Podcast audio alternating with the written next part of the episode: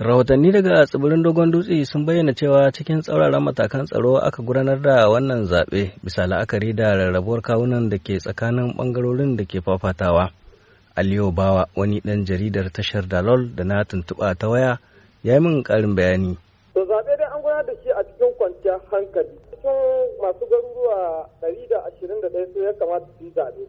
An samu masu garuruwa saba'in da shida wanda suka yi zaɓe arba'in da biyar ba su zaɓe ba. A farko 'yan takara goma sha huɗu suke.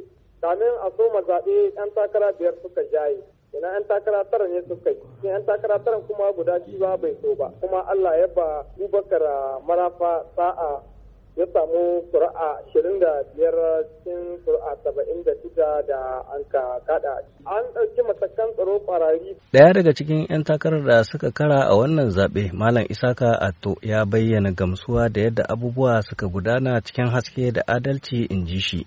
saboda haka ya ce ba shi da sha. Tsakanin da Allah kai wallahi babu makudi saboda shi da kai ne gwamnati ja da yamma sai da tamba tsakanin da Allah ce in ya zaɓi cikin kwancan to ta amana Allah da shi na amince na ba da kai da na sallar na bashi.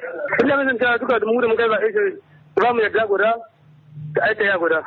Kashi ce zai aiki da mutanen shi na abin su dai. Sun zaɓe shi da wanda. Kafin gudanar da zaɓen na sarkin tsibirin dogon dutse an fuskanci takun saka tsakanin shugabannin arawa da na al'ummar gubawa dangane da batun waye ne ke da halaccin shiga takara abin da ya sa arawa kai wannan magana gaban kotu domin ta ɗage zaɓen saboda wasu sabbin hujjojin da suka gabatar mata. Dalili kenan da malam jibril ba'are na ɓangaren arawa ya ce su auren su ba a yi zaɓe ba. Ta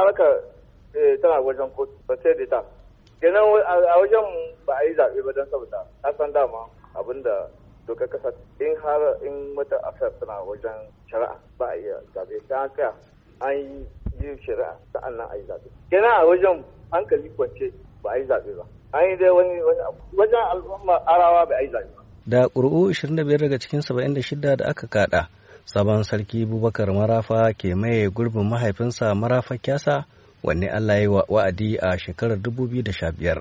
Sule Mummuni Barma, muryar Amurka daga Yamai a jamhuriyar Nijar.